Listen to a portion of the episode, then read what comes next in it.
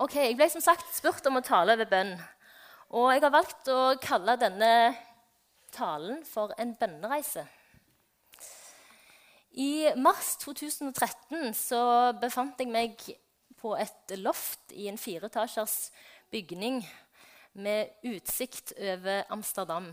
Sammen med en uh, gjeng med folk som alle kom fra forskjellige plasser i verden. Men med ett mål, og det var at uh, vi skulle komme der for å ha en 24 timers børn. Det vil altså si en 24 timers bønn og faste og lovsang for byen. Og uh, jeg hadde ikke hatt noe sånn veldig brann for Amsterdam på forhånd, men jeg kjente at Gud eh, ville at jeg skulle reise der og være med på denne børnen. Så jeg dro. Og jeg må si Det ble en veldig spesiell opplevelse. Eh, vi var all, som sagt all slags folk fra alle slags forskjellige plasser som kom sammen. Det var, jeg hadde ikke hatt en nød for Amsterdam på forhånd. Men når jeg kom der ned, så kjente jeg at å, Gud, ja, du har virkelig noe for denne byen. Det er virkelig noe som du ønsker å gjøre her. Du ønsker å møte folk her. Og da var det lett å kunne være med og be for, de, for den byen og for de folka. Så vi satt og ba og lovsang. Og det underlige også var at jeg aldri opplevde at 24 timer i bønn har gått så fort. Det var liksom sånn Oi, hei, har klokka gått tre timer allerede? Det var liksom, eller å, seks timer allerede. Men det var en sånn engasjement, og folk virkelig ga seg helt til å be for Amsterdam i ettertid, og mens vi var der, så har vi heller ikke hørt noe om det betydde en forskjell. Vi har ikke hørt noen sånne store bønnesvar, vi fikk ikke se noe veldig spesielt. Og heller ikke hørt om at eh, okay, det har skjedd noe veldig spesielt på akkurat den plassen. Men bare det å å være med på å bli ledet av Gud, til å være med og be for en plass og for et folk For vi vet at Gud elsker alle mennesker og vil at alle skal komme til å tro på ham. Det var spesielt for meg. Så hva kan motivasjonen for noen folk være å sette av tid til å bønne og faste og be for en by som du absolutt ikke har noe forhold til. Hvorfor velger noen å gjøre det? Kan det være at de har vært på en reise og kommet til en plass der de får tro på en stor Gud og en mektig Gud, og en Gud som ønsker at alle folk skal bli frelst? En Gud som kan redde folk ut av det mørkeste mørket. At han får tro på at en kan være med og bety en forskjell gjennom bønn. At vi kan være med og be, og så kan Gud få gjøre det som vi ikke kan gjøre. Kanskje de har erfart at Gud er en sånn Gud som Daniel beskriver i Daniel 2, 20, 23. Lovet være Guds navn fra evighet til evighet. For visdommen og makten tilhører Han. Han skifter tider og årstider. Han fjerner konger og oppreiser konger. Han gir de vise visdom og de forstandige kunnskap. Han åpenbarer det dype og skjulte. Han vet hva som er i mørket, og hos ham bor lyset. Jeg takker og priser deg, min fedres Gud. Det er du som har gitt meg visdom og styrke. Det vi ba deg om, har du nå gjort kjent for meg. Kan det ha vært at en har kjent på noe av dette? For ca. tre-fire år siden så hadde vi bønn- og lovsangskvelder hjemme i, i, huset vårt.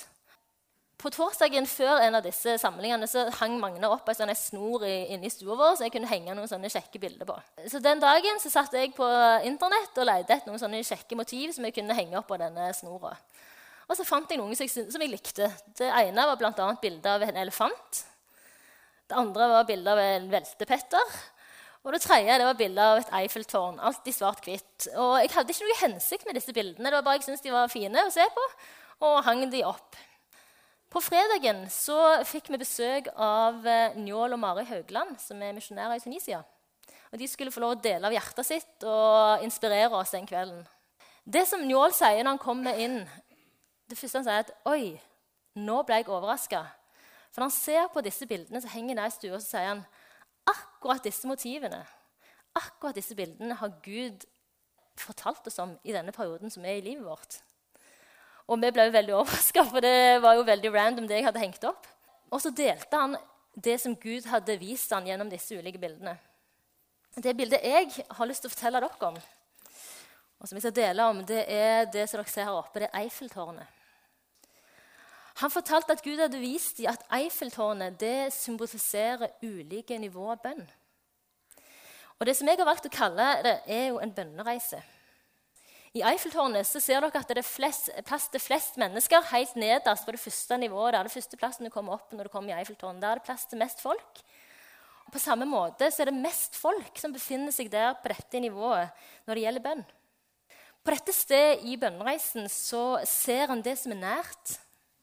En ser det som angår sitt eget liv her og nå. Og det kjennetegnes av bønn for seg sjøl, bønn for familien, bønn for venner og kanskje menighet. Og Jeg har lyst til å dele noen av opplevelsene som jeg opplever at Gud har vist meg akkurat på dette nivået av bønn. Min, første, min bønnereise vil jeg si starta som 20-åring.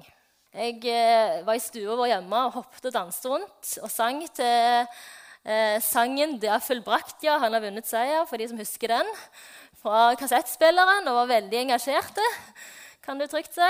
Og mens jeg sto der inne i stua og hoppet og danset til den sangen, så opplever jeg at jeg føler at Guds nærvær kommer.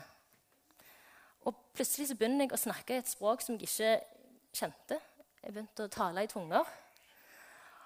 Og for meg å oppleve dette som barn, det var veldig spesielt. For plutselig fikk jeg se at Gud er en Gud som faktisk bryr seg om meg. Han har lyst til å være nær hos meg, selv om jeg er en, en unge.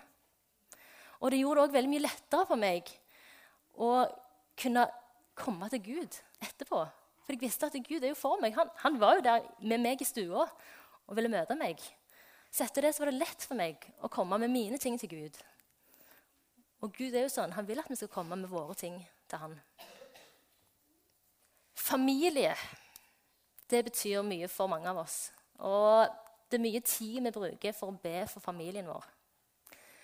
Når vi bodde på Hawaii, så fikk jeg en ny erfaring i det å be for familien min.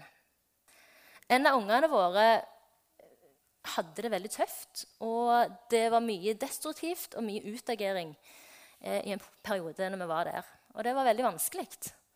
Men det jeg oppdagte, eller opplevde, var at eh, Gud viste meg at jeg som foreldre, vi som foreldre har en åndelig autoritet over våre unger. faktisk. Gud har gitt oss en autoritet bare fordi vi er deres foreldre. Og jeg opplevde at Gud sa, 'Gå inn og begynn å krige for ungen din.' Ikke gi opp, men gå inn og begynn å krige for ham. Så over en periode så sto jeg opp om morgenen, la meg på kne og bare ba til Gud om at Gud skulle gripe inn i, i livet til, til, sønnen vår. Og Det som var utrolig å se, det var hva som begynte å skje i hans liv. Etter hvert så var det mindre og mindre utagering. Det var mindre og mindre destruktive tanker. Og, og Gjennom dette så opplevde jeg at det, Gud lærte meg at jeg ikke bare skal tillate når jeg ber for familien min, at djevelen kan komme inn og bare kjøre flatt over. Og bare, ja, nei, nå var situasjonen sånn, sånn for han. Det var ikke mer vi kunne gjøre. Nei, jeg opplevde at Gud sa nei, du har autoritet til å gå inn og gjøre noe med det. Du kan tale ut seier over livet hans. Du kan ta autoritet med Den hellige ånd. For dette er jo den gleden vi har som kristne. At vi har oppstandelseskraften til Jesus i oss. Og at vi da har mulighet til å gå inn i situasjoner i ungene våre sin liv. I andre i familien vår sin liv, venners liv. Og spesielt barn, tror jeg. At vi som foreldre har en autoritet der. Ja, det var noen historier. Gud er òg sånn at han faktisk ser til våre litt sånn smålige og kanskje litt egoistiske tanker òg, faktisk. Og for å si det sånn, Etter vi kom tilbake Hawaii, fra Hawaii, så hadde vi vi som familie vi hadde en utfordrende tid. At, eh, og Spesielt økonomisk, fordi Magna han valgte å fortsette i Ungdom i oppdrag her i Rogaland. Og som de fleste vet, så er Ungdom i oppdrag de er ulønna misjonsorganisasjon. Så vi fikk jo ikke noe penger for det. Så i en periode så hadde vi det veldig trangt økonomisk. Selv om jeg var med på dette her og syntes at dette var veldig bra, og vi følte begge at vi skulle gjøre det, så var det tøft. Jeg syns det var tøft. Og En dag i bilen så var jeg så sur, kan du si, eller jeg var frustrert og lei av den tilværelsen, så jeg sukte bare til Gud og bare sa Gud, hvis du vil at vi skal fortsette med dette et år til, så får du gi oss 100 000. Ja, skikkelig Men jeg, og jeg var bare sånn Og så tenkte jeg ikke noe mer på det, for jeg tenkte det var bare en sånn en, å, måtte bare frese litt fra meg og være litt sånn sur. Så noe mer det skjedde ikke. Men så skjedde det da, at noen dager, noen dager senere så fikk vi besøk. Og mens vi sitter der i stua, så sier det, den som er besøk, sier, du, jeg, jeg opplever at uh, Gud har bedt meg om å gi dere 100 000 kroner. Og jeg kunne ikke annet enn å bli Jeg ble, du, jeg ble så flau. For jeg tenkte halve min, her jeg var sittet og vært så sur på Gud og hele situasjonen, men så svarer han et sånn et egoistisk sukk. Det ble bare helt uh, utrolig for meg. Men Gud altså, han ser faktisk til våre egoistiske sukk òg, altså. Mm. Ok, Tilbake til Eiffeltårnet. For de som har vært i Paris, vet dere at når du tar uh, turen opp i Eiffeltårnet, så kan du kjøre heis opp til de ulike nivåene.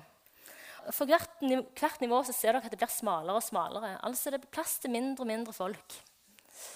Og på, når han kommer opp til andre nivå i Eiffeltårnet, så får han bedre utsikt. En ser iallfall litt lenger enn en gjorde på det første nivået.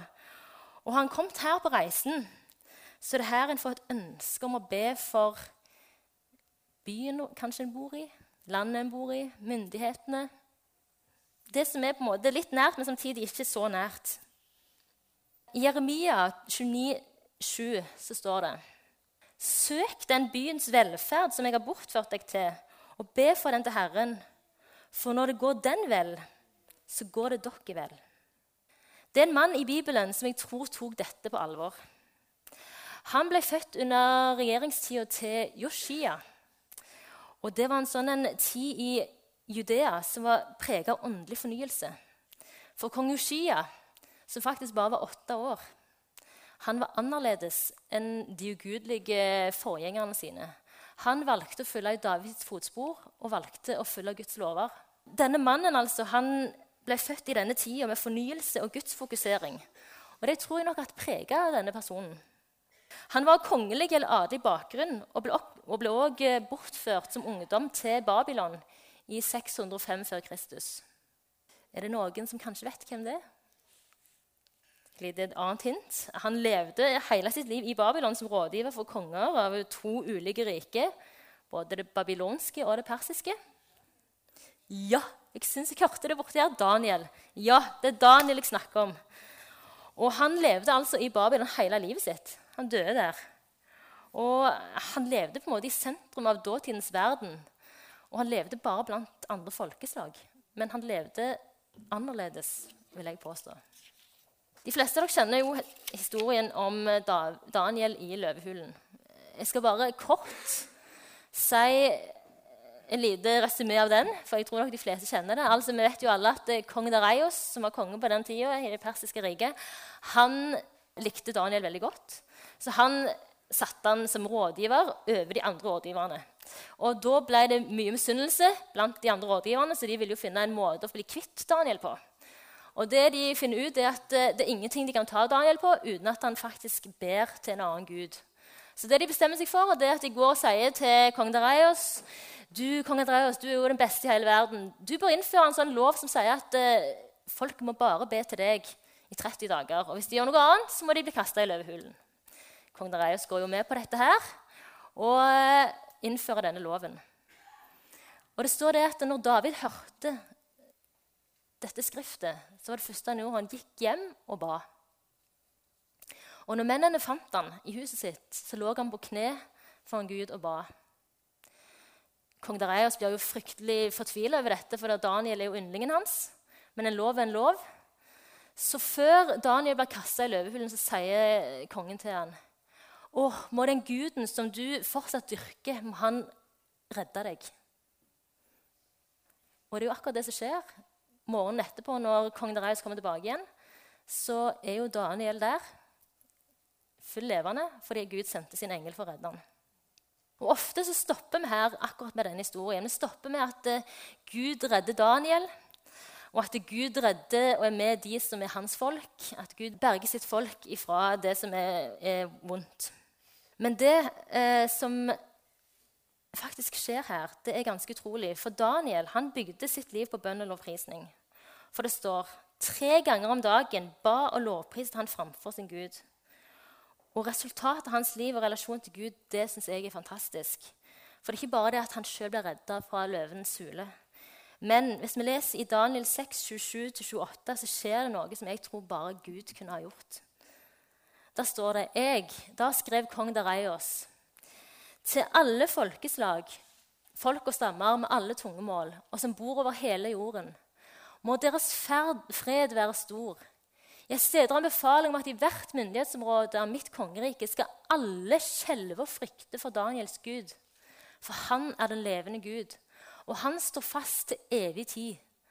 Hans rike er det som ikke kan ødelegges. Hans herredømme varer til helt til enden. Han frelser og utfrir. Han gjør tegn og under i himmelen og på jorden. Han har frelst Daniel fra løvens makt. Tenk det at en hedens konge sa dette om Gud. Altså, Hvor Daniel var på sin bønnereise, det vet vi jo ikke. Men jeg tror at han lå på kne og ba for byen, for kongen, for landet som Gud hadde ført ham til. Og Resultatet var at Gud brukte Daniel sånn at folk og folkeslag over hele verden faktisk fikk høre om hvem Gud er. Og Det syns jeg bare er så fantastisk. Ikke alle forhold begynner med hodestups forelskelse. Mitt og Magna sitt forhold det begynte med at den første julegaven som jeg ga til ham, da var vi som ennå venner, da, og jeg lå i all fornektelse over at jeg i det hele tatt hadde følelser for ham, det var et krus der det sto 'Min bønnepartner'. Jeg vil ikke akkurat si det var duka for veldig mye romanse, men eh, det var den første gaven han fikk av meg. Og grunnen til det var at eh, vi begge hadde en glede i det å be. Så eh, når vi ble kjent, så begynte jeg å fortelle han at jeg hadde en veldig sånn brann for å se at eh, ungdommene her på Bryne torg at de skulle få møte Gud. Så i eh, høsten 1999 så begynte vi å gå ut hver lørdag og be for Bryne.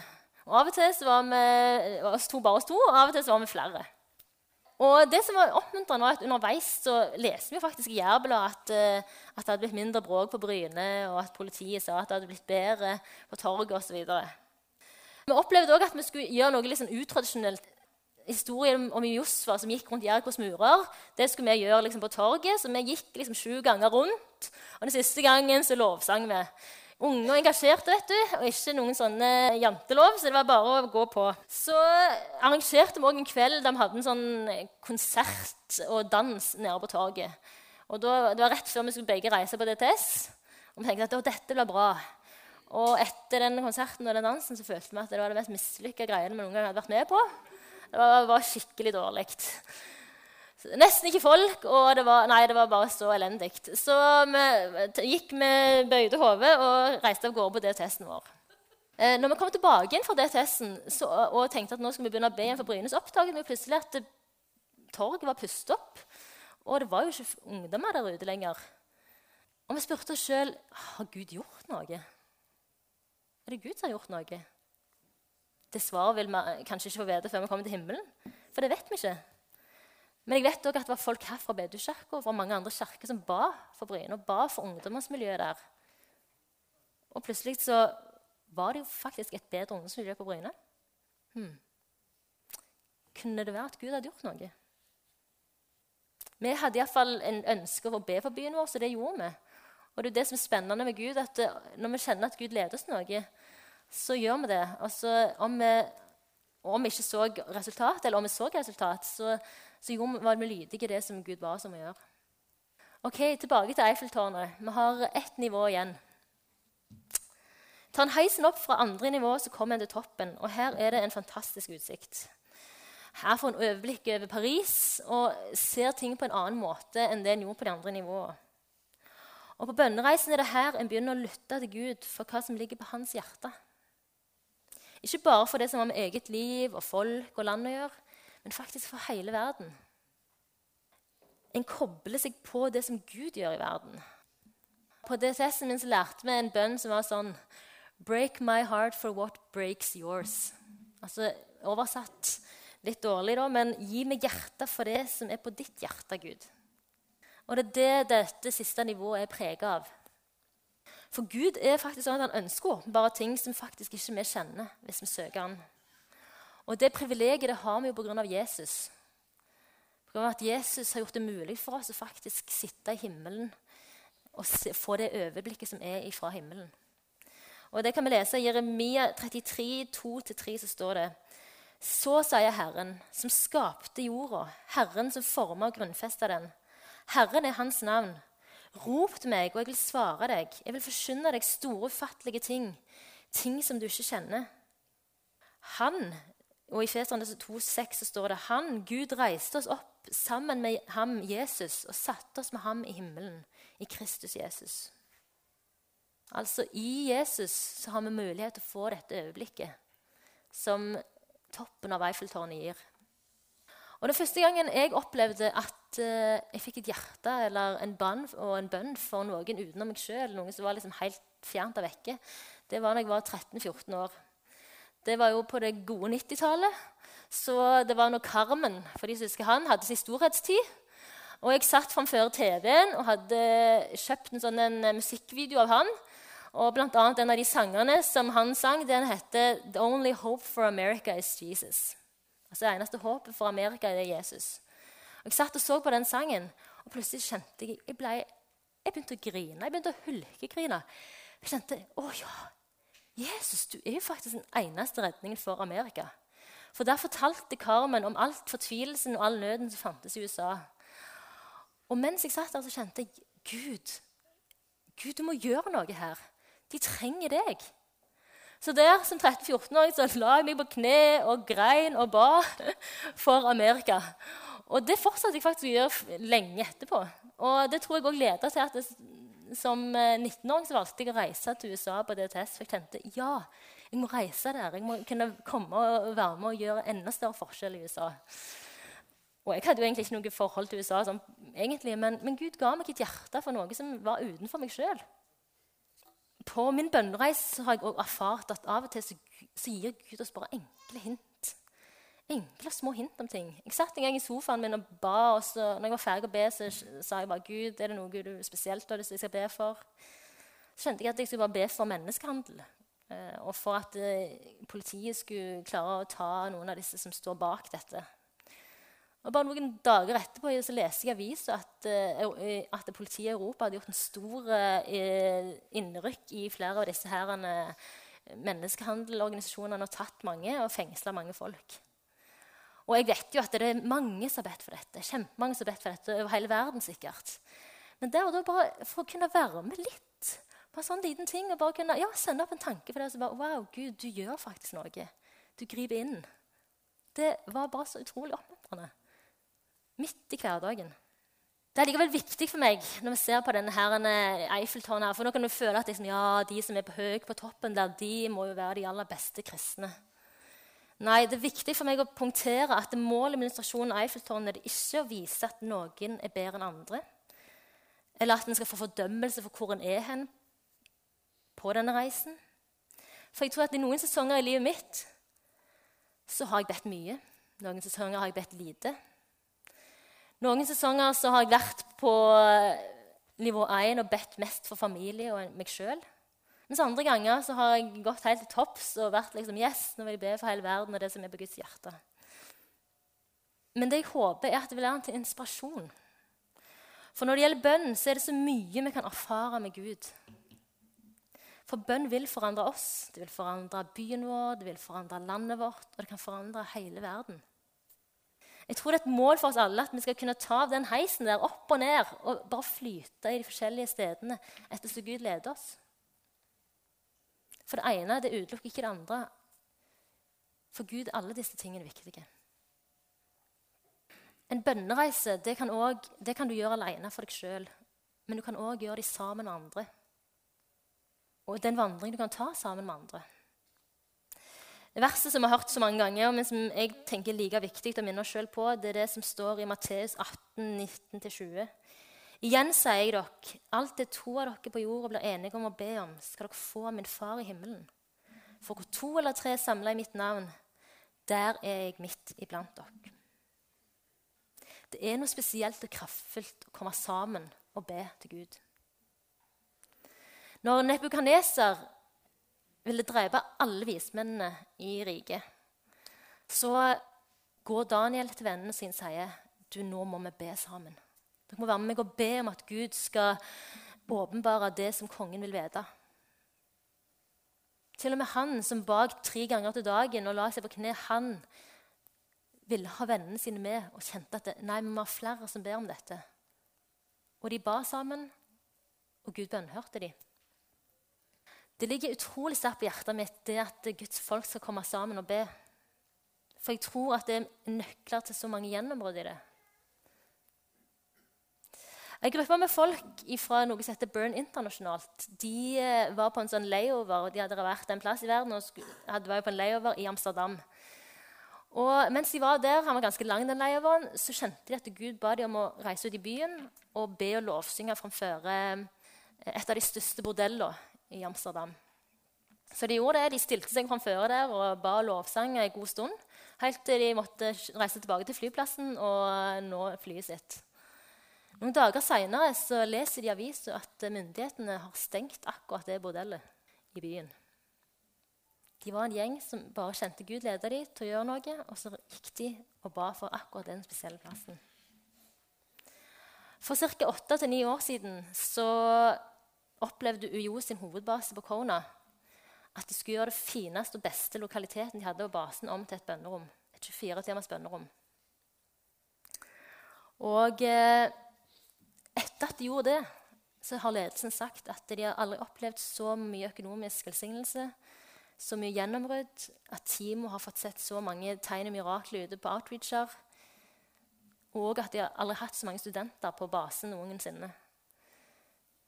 De valgte å sette av tid til bønn og lovsang for Gud. Og Gud kommer og bringer sitt nærvær og gjør noe. Og noen ganger jeg har vært der mange ganger selv, noen ganger kan det være fem stykker som sitter der inne bare leser eller ber helt stille. Andre ganger kan det være hundrevis av folk som lovsynger og roper til Gud for nasjonene. Det er litt det samme hvordan det ser ut. Akkurat nå er den plassen jeg, eh, der jeg ber i lag med andre, eh, en bønnegruppe som startet for halvannet år siden. Og vi er bare noen få stykk. Vi er noen få stykk, noen fra denne menigheten, bl.a. Renate og Beate, og noen fra andre menigheter. Eh, vi ber på fredagene, og vi ber for den nye generasjonen. For det var det jeg kjente at Gud la på mitt hjerte. Be for ungene og ungdommene som vokser opp i dag. Jeg opplevde at Gud sa du har et ansvar for den neste generasjonen. Du må gjøre noe. Så vi ber. Vi ber for det som er nært, for unger vi kjenner. Vi ber for det som er fjernt. Plutselig kan vi be for noen unger i Filippinene eller i Nord-Korea. eller hvor det måtte være. Men vi opplever at Gud leder oss i bønn på de ulike nivåene. Så opplevde jeg at jeg ville si noe om dette her med at av og til opplever vi likevel vanskelig å be. Og litt òg fordi vi kanskje opplever at vi ikke får bønnesvar. Det er en del av, av pakken. Historien i Daniel 3 eh, har iallfall utfordra meg på noen tanker jeg velger å ha om Gud om vi skulle møte skuffelser når det gjelder bønnesvar. Det er en historie der Shadrach, Mesak og Abednego de, er eh, i den situasjonen der de står for å bli kasta inn i en ildovn fordi de ikke har valgt å tilbe en gullstatue som, som Nebukadneser har satt opp for at alle skal bøye seg for. Så står det Shadrach, Mesak og Abednego svarte og sa til kongen Nebukadneser, vi trenger ikke svare deg i denne saken. Hvis vår Gud som vi tjener, vil utfri oss fra ovnen med brennende ild og fra din hånd, konge, skal han frelse oss. Men hvis ikke, så skal det være kjent for deg, konge, at vi ikke vil dyrke gudene dine, og vi vil heller ikke tilbe gullbilledstøtten som du har satt opp. Og jeg synes Det var så sterkt at uansett om de ikke ble redda, så sto de fortsatt fast på hvem Gud er, og at alt er mulig for han. De tillot på en måte ikke at utfallet av situasjonen deres skulle redefinere Guds karakter eller hva han vil, og hva han kan gjøre. De valgte fortsatt å stå fast på det om Gud ikke hadde gjort noe som helst. Så kunne de fortsatt si at Gud er mektig, Gud er stor, Gud er for oss. Og Det har blitt en sånn en eh, ting som har talt meg i det med å be at å Gud, hvis jeg ikke ser bønnesvar på dette, nei, jeg vil fortsatt si at du er Gud. Ok, Jeg har kommet til slutten av talen. Og Dere har fått innblikk i noe av det som har vært min bønnereise. Og det som Gud har tatt meg så langt på denne veien. Og jeg tror at ingen reiser ser like ut. Vi blir aldri utlærte, heldigvis. Men en reise og det betyr at en ikke er meint å stå stille. For relasjonen til Jesus eller til Gud er aldri statisk, den er levende. Og du tenker jeg må definere hvor, hvor er du på denne reisen. Og jeg vil oppfordre deg til å utfordre deg sjøl på å komme videre. Og jeg håper jo at hver gang du ser bilder av Eiffeltårnet, nå, eller ser Eiffeltårnet, at du tenker på bønn. Det er ikke noe bibelsk fundamentert, det jeg skal si nå, men min erfaring er fall det at en bønnereise er det ikke kronologisk. Men at Gud åpenbarer ulike ting til ulike tider i ulik alder. Daniel var unge, og Ushia var unge, og det var en tid da de unge stod, de steg fram og ble åndelige ledere. Og jeg tror faktisk på en sånn tid foran oss. Hvis det er unge folk her, eller hvis dere har unger sjøl òg. Jeg tror på at de kan bety en forskjell. Jeg var ung første gang jeg ble møtt av Gud. Og det er ingen aldersgrense for hvor tid en begynner på bønnereisen i livet sitt. Vi lever i det mange kaller for en nådens tid, altså en tid der vi ikke har krig, vi har rikdom, vi har det veldig godt her i Norge. Og jeg håper det at eh, som Guds folk at vi ikke skal være sånn som israelsfolket som begynte å rope til Gud når vi begynte å ha det tøft. Men at vi kan rope til Gud og komme til Gud når vi har det godt. Når det er fredstid. Det har jeg virkelig håp at vi som Guds folk kan gjøre. Cantinas synger en sang der de sier Every present hell, savior of my life.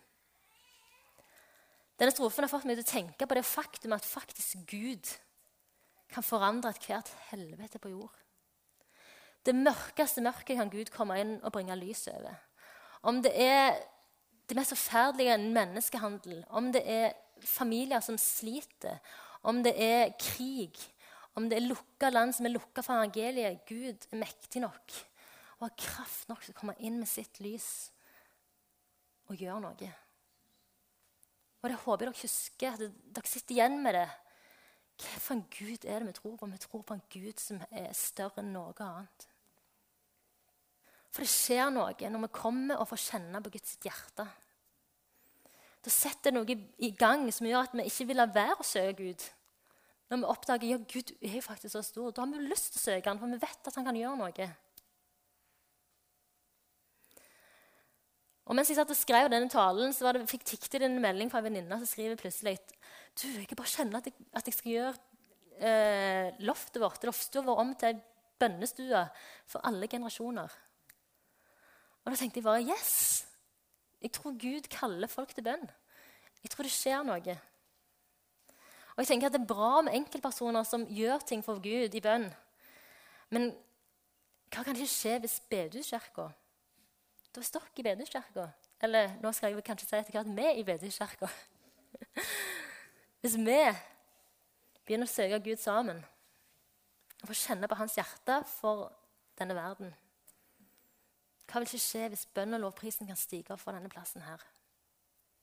Himmelske Far, jeg bare priser deg for at du er så stor. Og du er så mektig. Og lyset ditt det lyser enn noe annet. Og det kan trenge gjennom hva slags mørke. Om det er mørke, personlig mørke i livene våre, om det er mørke i byen, eller i landet vårt, eller i hele verden, Gud, så er du stor nok, Herre. Takker deg for at vi får lov å ha mulighet til å be og søke deg. Og Gud, må du tenne en brann i bedukirka, i ditt folk, til å komme sammen og be. Gud, jeg ber om at du skal komme og berøre oss. Tenne en ild i oss som gjør at vi vil søke deg, tilbe deg.